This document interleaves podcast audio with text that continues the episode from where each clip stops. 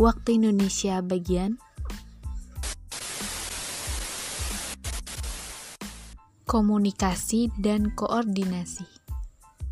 Yang kita tahu, komunikasi itu hubungan kontak antara manusia, baik individu maupun kelompok.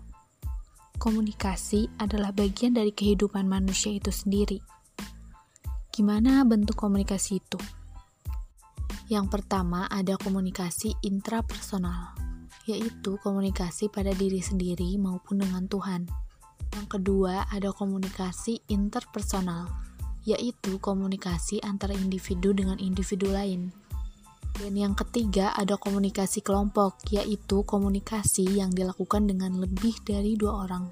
Terus, apa unsur komunikasi? Kita sebut diri kita sebagai komunikator, dan lawan bicara kita sebagai komunikan. Jadi, komunikator menyampaikan pesan melalui media kepada komunikan sehingga akan mendapatkan umpan balik tapi komunikasi tidak selalu berjalan lancar karena pasti terdapat gangguan.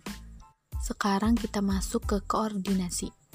Koordinasi adalah suatu proses rangkaian kegiatan dalam rangka pengintegrasian dan penyelarasan tujuan serta rencana kerja yang telah ditetapkan pada semua unsur, bidang fungsional, dan departemen untuk menghasilkan suatu tindakan yang seragam dan harmonis secara efektif dan efisien.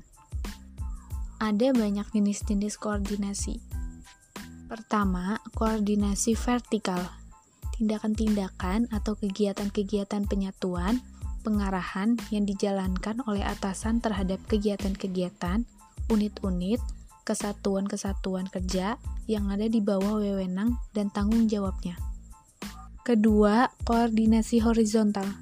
Tindakan-tindakan atau kegiatan-kegiatan penyatuan, pengarahan yang dijalankan terhadap kegiatan-kegiatan dalam organisasi yang setingkat. Ketiga, koordinasi waktu atau sinkronisasi merupakan proses untuk menentukan mana kegiatan yang dapat berjalan serentak dan mana yang harus berurutan. Keempat, koordinasi interinstitusional, yaitu koordinasi antar berbagai unit kerja yang berkepentingan atas suatu proyek serbaguna atau produk bersama tertentu. Kelima, koordinasi fungsional, yaitu koordinasi yang dilakukan oleh unit kerja yang satu terhadap unit kerja yang lain yang kegiatannya secara objektif berhubungan. Dan keenam, koordinasi struktural. Koordinasi seperti ini murni kehendak berkoordinasi unit kerja yang satu dengan unit kerja yang lain secara sukarela. Segitu aja deh, jam berapa sekarang?